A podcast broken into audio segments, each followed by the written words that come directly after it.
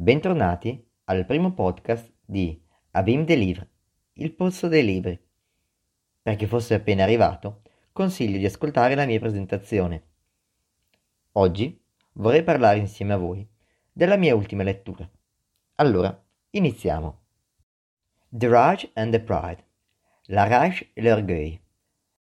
La rabbia e l'orgoglio.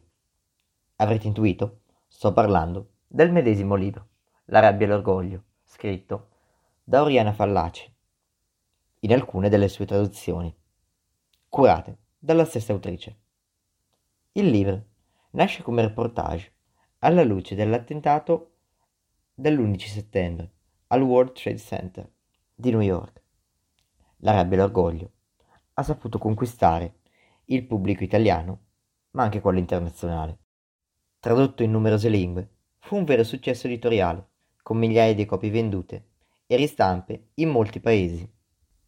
Oriana visse in prima persona l'attentato, abitando, in quel periodo, a New York. Fu contattata dal direttore del giornale per cui lavorava, il Corriere della Sera, con la richiesta di scrivere un articolo sull'attentato, uno dei più terribili avvenuti in America ed in tutto l'Occidente. Bene, quello che doveva essere un articolo Man mano si trasformò in una serie di scritti, pubblicati sullo stesso quotidiano. Il testo completo fu poi riunito nelle 165 pagine di La rabbia e l'orgoglio. In questo libro la Fallaci esprime la sua rabbia in un'invettiva sia nei confronti della politica che della società americana ed europea, soprattutto riguardo a quella italiana, alla quale non risparmierà aspre critiche. Un testo indubbiamente forte e potente, quanto criticato, accusato, dalle cicale, italiane e straniere, di razzismo. Il mondo fu diviso tra sostenitori e strani oppositori dalle sue idee. Oriana non si lasciò influenzare dalle critiche, descrivendo la nostra società in maniera schietta, uno schiaffo al nostro mondo alla nostra indifferenza culturale. Un attacco alle istituzioni incapaci di affrontare i nuovi cambiamenti, sconvolgimenti demografici e sociali in atto.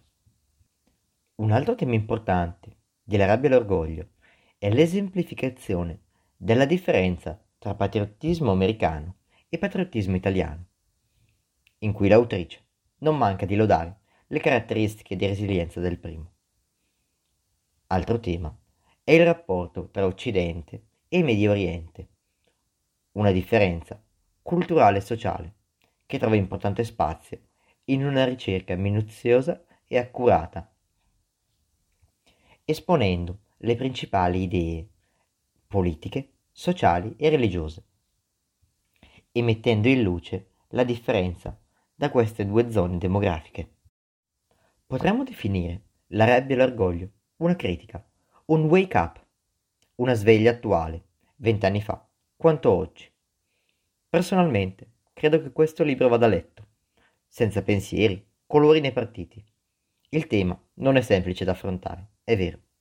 Eppure, la Fallaci ci rappresenta, attraverso la sua magnifica scrittura, un mondo che ha bisogno di confrontarsi su ciò che è avvenuto, interrogandosi sui suoi errori e sulle sue disattenzioni. Per svolgere questo compito, un testo pacato non avrebbe avuto lo stesso esito. Vorrei concludere leggendo un passaggio del libro. In Italia si finge di ignorare, o signora, che ogni diritto comporta un dovere, che chi non compie il proprio dovere non merita alcun diritto. Cosa ne pensate di quest'opera? Se vi è piaciuta, questa puntata. Vi ricordo di condividerla sui vostri social e di seguirmi sull'account Instagram e di attivare la campanella. Vi ringrazio per aver ascoltato il mio podcast. Alla prossima puntata di Abim Deliver, il pozzo dei libri.